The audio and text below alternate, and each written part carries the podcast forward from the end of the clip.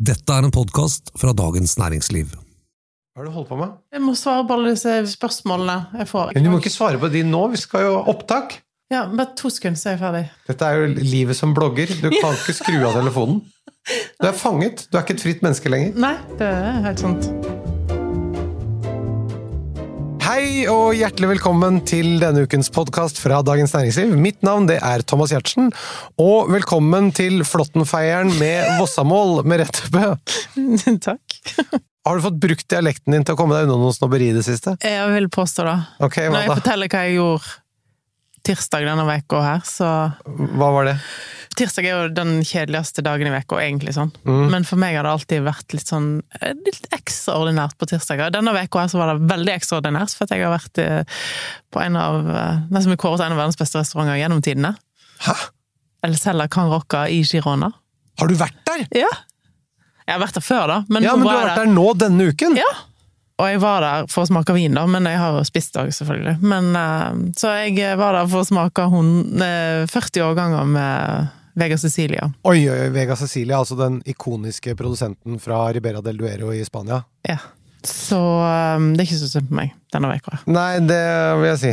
Nå må du bare gå et par ekstra dager med den felleskjøpercapsen din, så er, det, så er du fortsatt ikke stempla som snobb.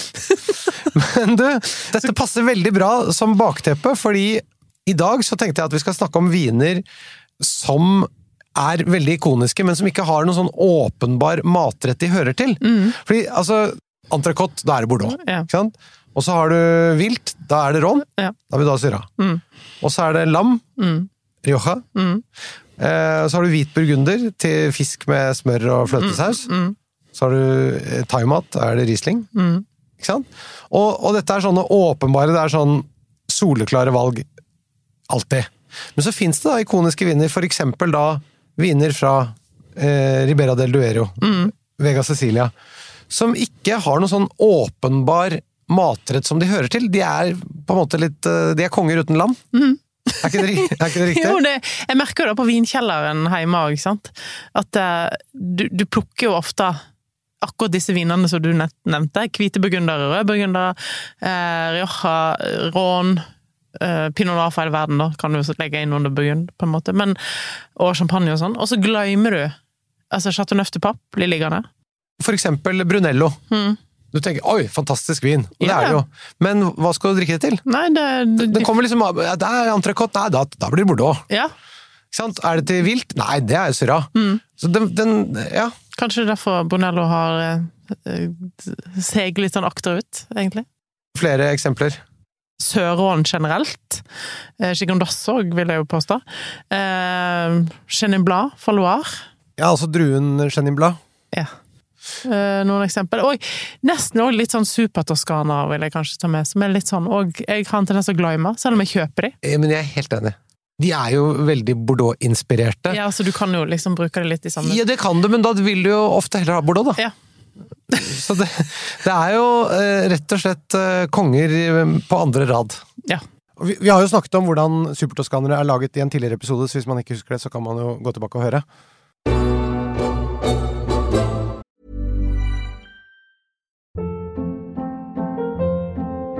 Hold up. What was that? Boring. No flavor. That was as bad as those leftovers you ate all week. Kiki Palmer here, and it's time to say hello to something fresh and guilt-free. Hello Fresh. Jazz up dinner with pecan-crusted chicken or garlic butter shrimp scampi. Now that's music to my mouth. Hello Fresh. Let's get this dinner party started. Discover all the delicious possibilities at hellofresh.com. Vi har jo det uttrykket som vi har snakket om mange ganger her, nemlig 'if it grows together, it goes together'. Hva med bare å lage den maten som lages, eller er fra de områdene som disse vinene er laget av? Hva er liksom de typiske rettene, å tenke på det? Ja, hva spiser de i Montalcino? Det er ikke så lenge siden jeg var i Montalcino, faktisk. Og det jeg fikk veldig mye av. Mm. Som ikke er så vanlig å spise i Norge, men som er jo en fantastisk kul rett. Men det er fordi de har overflod av det, og det er villsvin. De, de, de plager dem jo hele tiden, Ja. de villsvinene. De er jo veldig glad i druer, eh, så de er jo litt irritert på dem og litt lei dem. Så de skyter jo dem og eh, lager eh, mat. Og på Sassikaia så sa de jo at det omtrent alltid serverer villsvin. Så hvis man skal ha toskansk aften, så må man få tak i villsvin. Det er jo en mellomting mellom storfe og svin. Altså storfe med litt svinesmak. Som òg kan ha litt sånn Er det ikke litt vilt? eh, Ja, hva jeg skulle si. ja. Ja. Men det har litt den der su sursøte smaken som du får av svinekjøtt. Eh, og mye mørkere enn svin, eh, selvfølgelig. Um, det som jeg spiste hos Tassekaya, som var utrolig godt, men det er kanskje ikke så naturlig å lage det i Norge, det er ragu. Altså langtidskokt villsvin. Men det klassifiserer som rødt kjøtt. Ja, ja, ja. Bare sånn for oss som er opptatt av det- helseaspektet. Ja, så du kan ikke ete dette hver dag. Nei, men ingen kan det. Eh, Så, men eh, den Eller kan de jo kan jo det, da. Men, uh, men uh, ja, det er greit. Men ragu generelt, da, er jo en kul rett til dette her. Og jeg og noen andre venner har da laga sånne store panner med Det er sånn høstprosjekt, da. At vi sitter og drikker vin og kjøper eller har en sånn kjempestor gryte og står ute og koker. Et døgn, nesten, med oksehaler og oksekjaker og sånn. Og så lager vi ragu i store porsjoner, så vakumerer du med masse grønnsaker og sånn. Og så har du en middag ferdig. shop. Du må ha ganske mye vin, da, så det er jo ofte vinen som kommer først. At vi har veldig mye vin til overs etter en smaking eller noe sånt. Og så får vi tak i oksekjaker, eller oksehaler, og så er det å plukke alt dette kjøttet rent, da. Men for noen år siden så lagde vi så mye at jeg ble litt lei, faktisk. For jeg var litt lei av smaken. Se her, nå må du ta på Felleskjøpet-capsen igjen. Men det er en utrolig Du ble altså så lei av å drikke dyre viner og, og spise oksehaleragu. Du har min dypeste sympati. Du kan få en på det. Jeg har mange sånne vakumerte porsjoner i frysen fortsatt. Har du det? Ja. Ja, jeg tar gjerne det. Fordi det en, det er en Og da kan jeg si, altså for alle sånn tids, som er i tidsklemmer, som ender opp med å lage kjipe middager og sånn. Hvis du har en sånn porsjonspakke i frysen, vakumert, vakuumert, som du da har lagd på en eh, ei helg du hadde litt ledig tid til overs, så har du kanskje 20-30 middager i frysen sånn, med pasta, og så trenger du bare dyppe den i varmt vann, eller ja. Vet du hva, jeg, jeg er helt enig med deg. Vi må ta tilbake kokekunsten. Og det er og overlate det til industrien. Og med tanke på sånne strømpriser og høye rentesatser Ja, men med sånn, tanke på folkehelsen og livskvaliteten. så, så er jo dette noe av det billigste du kan lage. Ja, altså Hvis du tenker antall middager. Det er det ene med det andre, at jeg vil lage maten min selv. ja, det også. Jeg liker å gå og tygge selv, og vet, det er mange ting jeg har lyst til å gjøre selv, rett og slett. Du skal bli festlig for på gamlehjem. jeg vil tygge selv! Ok, i dag så anbefaler vi altså viner som er fantastisk gode, men som ikke har noen åpenbar rett de hører til. Merete, du skal selvfølgelig komme med forslag til konkrete kjøp, og alle vinene de ligger som vanlig i episodeinfoen. Da starter vi da med Ribera del Duero. Du må forklare først litt hva slags vin det er. Ja, det er jo en vin laga på Tinta Pais, altså, eller da oversatt til Tempranillo. Den kjente spanske druen som òg fins i Rioja og mange andre eh, regioner. Eh, Og Ribera del Vera ble jo litt sånn skapt av Vega Cecilia. De var liksom en av de første eiendommene der, og paradoksalt nok så er jo den blitt så kjent at alle vil jo liksom være naboen deres. Så alle sier jo at vinmarken min ligger inntil Vega Cecilia sin vinmark.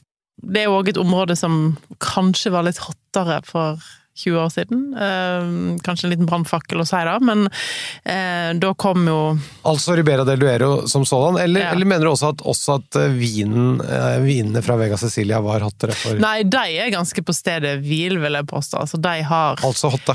Ja. Altså, det er jo imponerende. Når du har smakt 40 ganger, så kjenner du at det er jo De har jo ikke hatt så mye De har ikke hatt noe dupp i Nei, det- formen, Det er liksom. alltid bra. Ja. Veldig ikonisk kjent eh, vinprodusent. Har eh, Toppkuveen heter eh, Unico. Mm. Eller, eller Reserva Spesial, det kommer an på hvordan du ser det. Men er ikke Reserva Spesial en versjon av Unico? Jo. som Vi er- lager jo Unico i forskjellige årganger, og dette er da blanda tre årganger, mens den vanligvis kommer i enkeltårganger. Mm. Men den eh, som er blanda med tre årganger, den er ment å kunne drikkes mm, med en gang. Ja, den er jo litt mer sånn moden i stilen, da, kan du si. Så den eh, trenger ikke lagre like lenge som en Unico, da. Og så lager de også en som litt eh, Hva skal vi si for noe? Lillebror, som heter Valbuena 5. Ja. Og den er jo litt rimeligere, litt mer tilgjengelig, og ja. Men det er ikke noe billigvin, det heller. Det er ikke noe billig vin. Den koster godt over 1000, tror jeg. Ja. Så lager de en del andre kuveer òg, deriblant i Rioja og Toro. Ja. Andre distrikt i Spania. Men denne Unico, hva slags type vin er det? Litt rustikk, litt gammeldags vin, kan en si. Kan jo minne litt om en litt sånn varm bordeaux. Eh, med litt sånn stall og sedertre og eh, krydder, og litt sånn spanskinfluert eh, krydderpreg, egentlig. Så det er jo en vin som sånn sett er lett å ta blindt, fordi at det er ingen annen som smaker sånn. Eh, Ok. Og ganske moden i stilen, da. Hva slags frukt er det du går etter på en blindsmaking? Den, den, den har en sånn der veldig sånn søt, litt sånn krydra plomme. Når, du, når jeg drev og sylta plomme noen kvelder altså du får litt, sånn- Hvis du putter litt sånn krydder oppi, du får det krydra plommepreget. Ja. Det er en ganske krevende vin. Nå skal ikke vi sitte her og snakke om hva Hvis den er så uheldig å ha en Vega Cecilia for hånd og ikke veit hva en skal sette til. men, men eh, det er jo en vin som, eh, som, som krever ganske mye om rett, for den er såpass kraftig og mye tanniner. Men hvis du står der, da, så har du en sånn for hånda, og du ikke vet hva du skal spise, hva gjør du da? Kanskje noe lam, Ok? men er det litt sånn kjedelig? kanskje? Nei da! Det er ikke kjedelig. Eh, Lam er dødsdigg. eh, Jeg ville liksom hatt ei lammegryte eller noe sånt. Ville du laget det spanskinspirert? Kanskje.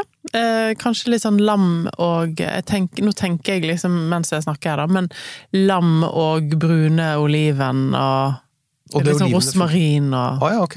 Men må det være så mye saus, da? Du kunne jo Nei, trenger ikke mye saus. Hva med å grille noe boga? Ja, det er jo fantastisk. Først ta så langtidssteke på lav varme, og så ta det på grillen til slutt for å få det eh, litt sånn sprøtt på utsiden. Også noe som jeg har gjort i sommer, som jeg egentlig har lært av naboen. Koke altså nypoteter, eller gode poteter, og så knuse de. Ja. Eh, og så litt olivenolje og litt salt, og så litt rosmarin over, inn i ovnen. Så blir det litt sånn, får det litt sånn sprø hinner. Oh, dødsdigg. Det til tenker jeg kan være godt. Det er jeg helt enig i. Du kan få lov å ha bitte litt parmesan på de potetene. Ja, det gjorde jeg òg. Jeg hadde så mye osterester på hytta, så jeg lagde disse her til ungene Ja. til middag. Vi hadde voksenmiddag litt etterpå. Eh, Og da hadde jeg helt nyfiska hysa. Ja. Som jeg lagde fish and chips, og så hadde jeg sånne poteter til. Oi, oi, oi. Det var faktisk en ganske stig. god kombo. Men du, vi, er flere produsenter fra Ribera del Duero. Jeg er veldig glad i Pesquera, eh, eller Alejandro Fernandez, som eh, dessverre eh, døde tidligere i år. Eh, han driv, eller drev, starta Pesquera og Contade de Hasa, som begge to ligger i Ribera del Duero. To viner som ikke koster så masse. Som er liksom miniutgave av eh, litt den samme stilen som jeg og Cecilia ville si. Mye billigere og ikke samme konsentrasjon og kompleksitet, selvfølgelig, men, eh, men det som er kult med Pesquera, og Contado de Hasa for den saks skyld, er at de er lett tilgjengelige. Du får de på polet i veldig mange hyller, på veldig mange utsalg. Får det til og med på taxfree. Det var det jeg skulle si. Pesquera har jeg sett mye på taxfree. Ja. Og koster sånn etter som hvilken Den enkleste koster vel under 200 kroner, tror jeg, på taxfree, og 250 på polet eller noe sånt. Ikke minst hvis du er i Spania og du lurer på hva du skal drikke, og du er, bare, du er en plass der de har bare en vanlig matbutikk, så får du ofte på matbutikk i Spania òg. Jøss. Ok, men det er lam eh, som du trekker frem. Ja. Men hva serverer de i området der, da? Det er jo veldig mye lam, og det er veldig mye eh, Og en annen ting som kunne vært til, da. Litt sånn eh, kje, eller geit. Men er ikke det for lyst, da? Blir, Ja, overkjører ikke den Jo, eh, hvis det er veldig lyst kje, så kan det, men hvis det er sånn geit, ja. som du ofte får i Nord-Portugal og i Spania og sånn eh, Er du klar over at geit er det mest spiste kjøttet i verden? Er det sant? Det er bare Norge vi er helt ubrukelige på geit. Ja. Fordi at det har ingen religiøse Nei, nettopp. Det er ikke ku, det er ikke gris, det er ikke Altså, ja. Akkurat. Hmm. Nei, men uh, mer geit. Og vi i Norge bruker det som dyrefôr, det er jo helt tragisk. Men litt sånn mer sånn langtidsstekt uh, geit, sau Ja. Med mye urter og sånne ting. Da tenker jeg er en god kombo.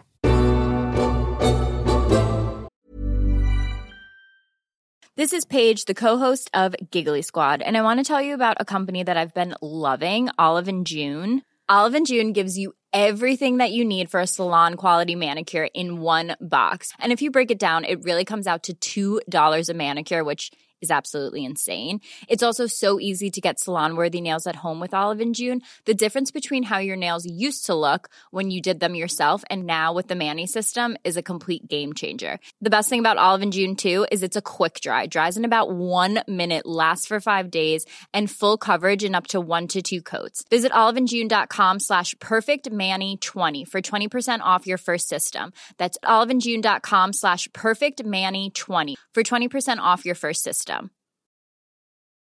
Ryan Reynolds here from Mint Mobile. With the price of just about everything going up during inflation, we thought we'd bring our prices down. So to help us, we brought in a reverse auctioneer, which is apparently a thing. Mint Mobile unlimited premium wireless. Ready to get 30, 30, bit to get 30, bit to get 20, 20, 20, bit to get 20, 20, bit to get 15, 15, 15, 15 just 15 bucks a month. So, Give it a try at mintmobile.com slash switch. $45 upfront for three months plus taxes and fees. Promo for new customers for limited time. Unlimited more than 40 gigabytes per month. Slows. Full terms at mintmobile.com. Ever catch yourself eating the same flavorless dinner three days in a row?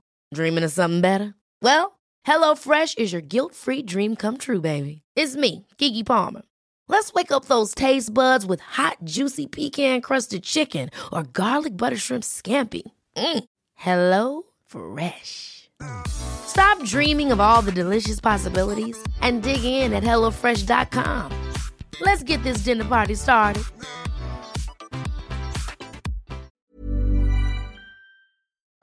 Da er det Brunello. Ja, det er jo laga av druen Brunello, som da er en eh, klon av Sangiovese. Sangiovese er veldig vanlig vin i hele Italia, og- ja. har 100 forskjellige navn. Ja, bare sånn for sikkerhets skyld, for å gjøre det litt komplisert for eh, oss som driver med dette her. Eh, Sangiovese er jo en, den viktigste druen i Toskana, og Brunello, eh, eller Montalcino, Brunello di Montalcino ligger jo i Toskana.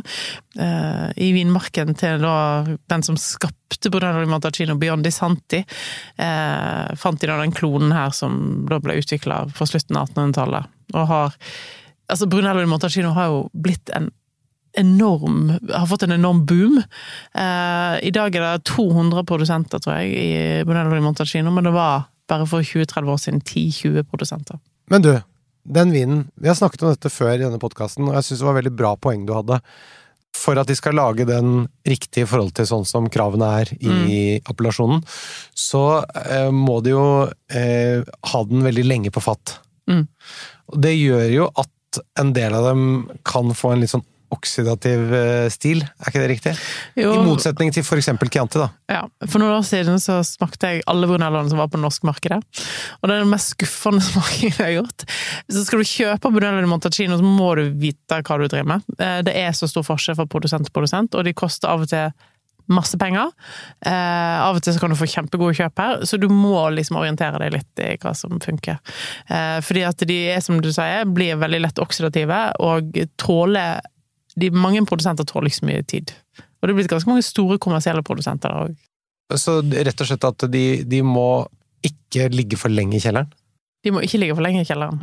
Med noen få unntak. Og så har de også plutselig eh, litt eh, stramme tanniner, da, som, som også må bli avrundet. Så det er en litt sånn vrien balansegang, hele prosjektet. Ja, altså hvis du kjøper eh, de to beste produsentene, da, som òg koster mest, selvfølgelig, og det er Bjørn Santi og eh, Poggio di Sotto.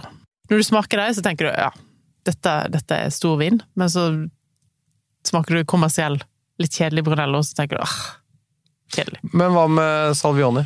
Salvioni òg, selvfølgelig. Glemte Salvioni, takk. Ok. Vi snakket jo om villsvin her, men det er ikke noen andre retter du vil eh, trekke frem her, da? Det jeg tenker funker, særlig hvis den er en litt moden, litt rustikk utgave, så er det eh, litt sånn kraftig pastarett med mye sopp. Det er veldig naturlig da å velge Nebbiolo, som jeg ofte gjør eh, i det henseende. Men eh, Brunello kan være et alternativ, særlig hvis tanninene har blitt litt sånn bløte. Vi har jo snakket om i en tidligere episode han eh, slakteren med, med T-bone-steken Mm, i, i Toskana. mm. Eh, Dario Cicchini. nettopp. Så en sånn stek fra han, det kunne vært noe. Det er en bistecca fiorentini, eh, absolutt. Må ta det med på sånn pilegrimsreise ned der, tror jeg. Ja. Eh, For jeg skal love deg, da kanskje jeg kan få deg ut på å ete rødt kjøtt to ganger i uka. Man kan kjøre liksom nettopp et sånt stykke kjøtt som man griller eh, ganske alene, litt olivenolje, litt salt hvis det er høy kvalitet på kjøtt og god smak og sånn, og så ikke noe særlig eh, tilbehør, også den vinen. Det blir bra. Det blir bra. Da blir det rent og pent og ryddig, og all kvaliteten ligger i de to. Det er da de er så utrolig gode på i, eh, i Italia. Er å la råvarene få liksom øh, være helt alene. Og ikke ha så mye sånn fiksfakseri. Ikke så mye farse der, for å si det sånn. Nei, det er derfor mange syns det er så lett å starte italiensk restaurant, for det er ikke så veldig mye Det er ikke så mye foredling som skal til. Det er mye vanskeligere å gjøre en god fransk restaurant, for fransk kokekunst er mye vanskeligere. Mye vanskeligere. Men den er jo sånn sett, med tanke på råvaretilgangen, egentlig mer naturlig i Norge, fordi vi har jo ikke de samme råvarene som de har i Italia. Det må kunne gå an å si. Det kommer seg på råvaresiden også, men det har vært mye eh, Når det heter smakstomater, så er det et tegn på at eh, at det var noe galt med tomatene før. Eh, ja, det er morsomt. Eh, og det, du skal ikke langt tilbake, bare ti år tilbake i tid. Hvis vi hadde gått inn i en matbutikk eh, for ti år siden, så hadde du ikke funnet et tørkeskap, en ostedisk Alle disse tingene her har jo blitt mye mer naturlig. Bare 10-15 år siden så var det helt uaktuelt. Og Jeg husker hver gang jeg reiste til USA for ti år siden, kjøpte med meg så mye kjøtt. Nå er det liksom ikke like prekært, for å si det sånn. Nei da, men det er folk som kjøper kjøtt i utlandet òg, men det er i Sverige. Ja, nei, og det er av helt andre årsaker. tenker jeg. det er sant. Men du, tilbake. Til Konger uten land. Har du noen eh, gode kjøpprodusenter i Toskana, da? Ja, altså det er jo Nå har jeg nevnt de tre beste, eller du fulgte på med den nummer tre. Eh, Men eh, Corle Orcha, som eh, vi har hatt god opplevelse med Det må jeg bare si! Du sendte opp Ja. en flaske med Var det 09? Eller var det kanskje 11? var det? tj- eh, 2011 var det. Ja. Det må jeg bare si, det var jo en fantastisk vin! ja. Altså skikkelig, skikkelig bra. Den er i basisutvalget på polet, Ja. og koster 300 og et eller Ja, annet. ja. Og for en Brunello er det ikke dyrt. Nei, ikke i det hele tatt. Og den er dødsbra! Ja, og veldig delikat, faktisk. Eh, veldig. Ikke noe kraftig sak. Og eh, noen andre produsenter som òg er forholdsvis lett tilgjengelig, er jo um, Talenti og Lisini. To eh, favoritter. Lisini besøkte jeg nå sist jeg var der. Vel, altså Det er sånn Det er jo som å komme hjem på tunet til noen, en gardbruker på Voss, liksom. Det er helt fantastisk. Og det er sånn Ja, det er bestemor, far, datter, eh, bedrift. Veldig eh, Når du sier at det er som å komme hjem på Voss, så er det altså veldig snobbete forkledd som eh, bondsk. Ja. ja. Jeg skjønner. Da må vi videre til Chateauneuf de Pape. Egentlig Sør-Rån, da. Altså, Chateau Neuf de Pape er jo veldig sånn diffus vinstil, egentlig. Fordi at det, det er lov med 18 forskjellige druer i en Chateauneuf de Pape. Og noen bruker alle 18, og noen bruker bare et par. Men, men, men kan vi ikke si at det er en Det er i hvert fall ikke en lett rødvin? Det er ingen lett rødvin. Ofte altfor mye alkohol, spør du meg. Da Der var det en eh, kollega av meg i USA som klarte å ødelegge veldig betraktelig, for han ga masse Chateau Neuf de Papp 100 poeng. Robert Eh, Parker snakker om Robert nå, Parker, vinanmelderen. ja. Som jo likte den tunge stilen. Ja, og det gjorde jo at alle tenkte å ja, da får jeg lage 14-15-16 da. Ja, men ikke sant, Du skjønner jo det, hvis det er godt voksne menn som har spist mye salt og fett i livet, de vil ha det litt sånn tungt. Og da blir eh, stilen litt annerledes enn Ja. sånn Hva skal vi si for noe? Litt mer sarte ganer fra Voss. Ja, og så er jo ikke vi så veldig glad Altså nordmenn generelt sett, meg inkludert, er jo ikke alltid så veldig glad i den eh, amerikanske stilen med mye alkohol og sånn. Da syns jo ikke vi egentlig er noe kult. Fins det i det hele tatt noen Chateau Neuf de Papper som er lette? Det gjør det ikke. Nei, men det er noen som er lettere enn andre, da, eh, kan en jo si. En som jeg syns ofte kan være veldig delikat, som jeg av og til pleier å kjøpe sjøl, det er Marcot. Ok? Veldig bra produsent. Toppvinen deres er da en uh, Vieille Vigne. Den koster jo litt, 1200 kroner, mens uh, den, deres standard Chateau de ligger på sånn rundt halve prisen. Alt høres liksom så billig ut når, det, når du sier det er halve prisen, men 600 kroner Det er, ja, men det er jo et dyrt område, da. Det er jo ikke noe billig Fordi- nettopp fordi Fins det er- ikke noe billig Chateau Neuf de Nei, men de er konger. De har bare ikke noe land. En annen produsent er Pegot. Og så har du jo selvfølgelig òg Bocastel, som er vanskelig å komme utenom, vil jeg påstå. Det Ja, er- Chateau Bocastel. Det er de som lagde vin sammen med Eivind Hellstrøm, var det det? Ja. Perret-familien, som nå òg lager vin sammen med De har gått fra Eivind Hellstrøm til Brad Pitt, men um... Oi! Har de det? Ja. Jøss. Hva skal vi spise til dette? For det er mange som velger dette til vilt. Ja, det vil jeg si er helt feil. Ok. Er er- er lov så bombastisk? Ja, ja, ja. ja. Det er alltid Eh, artig med folk som er det. Ja, men eh, til vilt altså, jeg vil- For det første så er Syrah det beste til vilt, og her er det for mye grenasje og andre druetyper som gjør at Ja, for det er jo ofte Syrah også i, men du syns Ja, Syrah skal være alene. jeg syns Syrah skal være alene. Jeg syns Da må du til Nordrån. Jeg syns uh, Chateau Neuf de Pape har for mye alkohol til å gå til vilt. Og uh, det har eh, ikke den karakteren jeg ville ha til viltkjøtt i det hele tatt. Her vil jeg jo trekke fram en rett som òg er veldig sånn for folk i, eh, i tidsklemma. Hvis han har vært i Sverige, eller vært på taxfree-butikken på en eller annen båt til Ja. Norge, så er dette faktisk en av de beste kjøpene. Og det er da eh, konfitert andelår. Nettopp! Og Chateau Neuf de Pape. Ja. Rett og slett la burgunderen, den røde burgunderen, vike. Jeg syns ikke det nødvendigvis er så det beste til and, hvis ikke du bare må ha en rød burgunder. Så syns jeg òg Barbera er en drue som, som funker veldig godt til and. Det har du sagt før, og det Ja. har jeg prøvd, og det signerer jeg på. Men eh, Chateau Neuf de Papp funker veldig godt til det, ja. Yes, ja, men det var bra. Da er det til slutt Chenin Blad fra Loire. Noen av de vinene syns jeg har vært skikkelig gode. ja. Litt sånn unge, flinke produsenter som har tatt litt hånd om Chenin Blad. Som har gjort de litt mer mineralske og ja. Jeg ble intervjua i en podkast om vin eh, eh, for noen i Bergen. Ja. Og så spurte de hva var min eh, liksom, go to-vin da jeg vokste opp. Mm. På Voss, ikke sant? Dette her avslører kanskje at jeg var en tidlig snobb, da. Eh, Men, eh, og den ble jeg minnet på her om dagen, for de var så imponert at det var da jeg svarte. Eh, Men hva jeg drakk på fest Ja, da jeg var var sånn 17-16-17-18 år, liksom. Og du drakk før eh, du hadde lov? Eh, Hvis ikke du gjorde det, så var det noe galt med deg. Ok, kan Da drakk jeg faktisk Chenin Blad. Gjorde du det? Ja. Men ok. Jeg husker ikke hva han hette, da, men det var en Chenin Blad fra Loire. Når jeg svarte da, så ble de ble nesten litt sånn irritert, for de ville jo egentlig si at jeg peach canai. Ja, jeg skjønner. Jeg, jeg skal ikke si at jeg aldri smakte det, men det var alltid den uh, jeg kjøpte.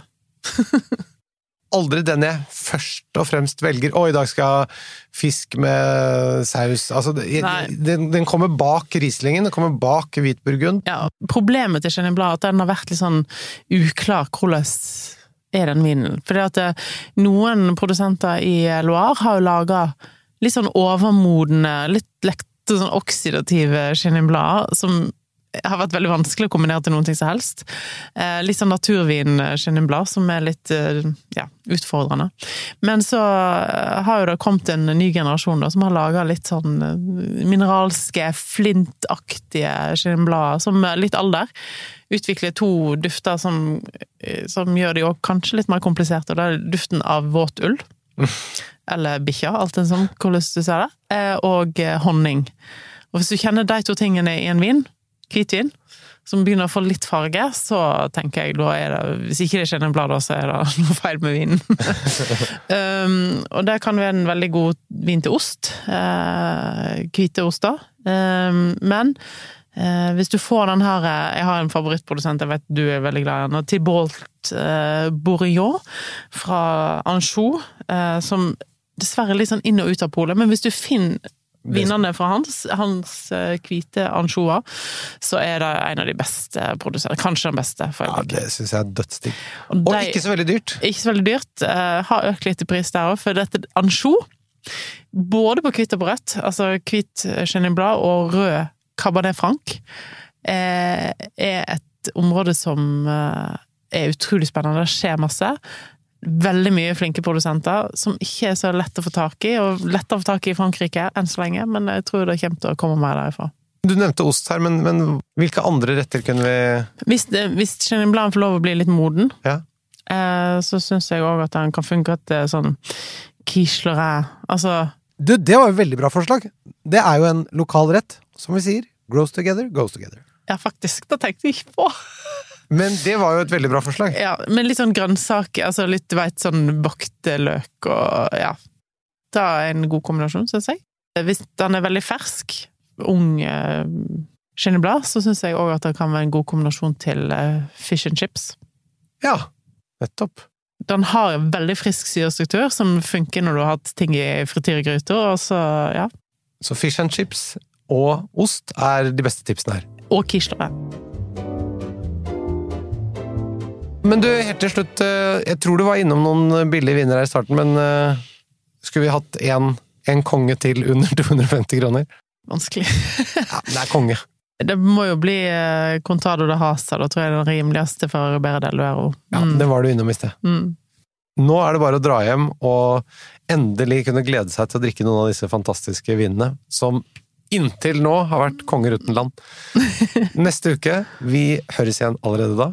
Takk for i dag. Takk for i dag. Når du får sånn der, du vet, så og så mange timer har du vært på telefonen daglig denne veka her, Ja, ja. så tenker jeg det er jobb. En ting som er med jobb, og det er at det kommer penger en gang i måneden når du gjør det. Det får du ikke her. Nei. Nei, Vi kaller dette for en jobby.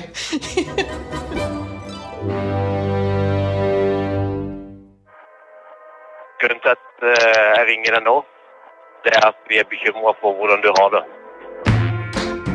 Ikke det et selvmordsforsøk eller en gisseltagning? If I get the money and the car, I uh, set the hostage free. Gjør politiets krise- og gisselforhandlere alt i sin makt for å hindre at mennesker skal dø. Hør podkasten 'Forhandlinger på liv og død' fra Dagens Næringsliv. Mom deserves the best, and there's no better place to shop for Mother's Day than Whole Foods Market. They're your destination for unbeatable savings, from premium gifts to show-stopping flowers and irresistible desserts. Start by saving 33% with Prime on all body care and candles. Then get a 15-stem bunch of tulips for just $9.99 each with Prime. Round out Mom's menu with festive rosé, irresistible berry chantilly cake, and more special treats. Come celebrate Mother's Day at Whole Foods Market. Mom deserves the best, and there's no better place to shop for Mother's Day than Whole Foods Market. They're your destination for unbeatable savings, from premium gifts to show-stopping flowers and irresistible desserts. Start by saving 33% with Prime on all body care and candles. Then get a 15-stem bunch of tulips for just $9.99 each with Prime. Round out Mom's menu with festive rosé, irresistible berry chantilly cake, and more special treats. Come celebrate Mother's Day at Whole Foods Market. Even when we're on a budget, we still deserve nice things. Quince is a place to scoop up stunning high-end goods for 50 to 80% less than similar brands. They have buttery soft cashmere sweaters starting at $50, luxurious Italian leather bags, and so much more. Plus, Quince only works with factories that use safe, ethical, and responsible manufacturing. Get the high-end goods you'll love without the high price tag with Quince. Go to quince.com slash style for free shipping and 365-day returns. Du har nå hørt en podkast fra Dagens Næringsliv.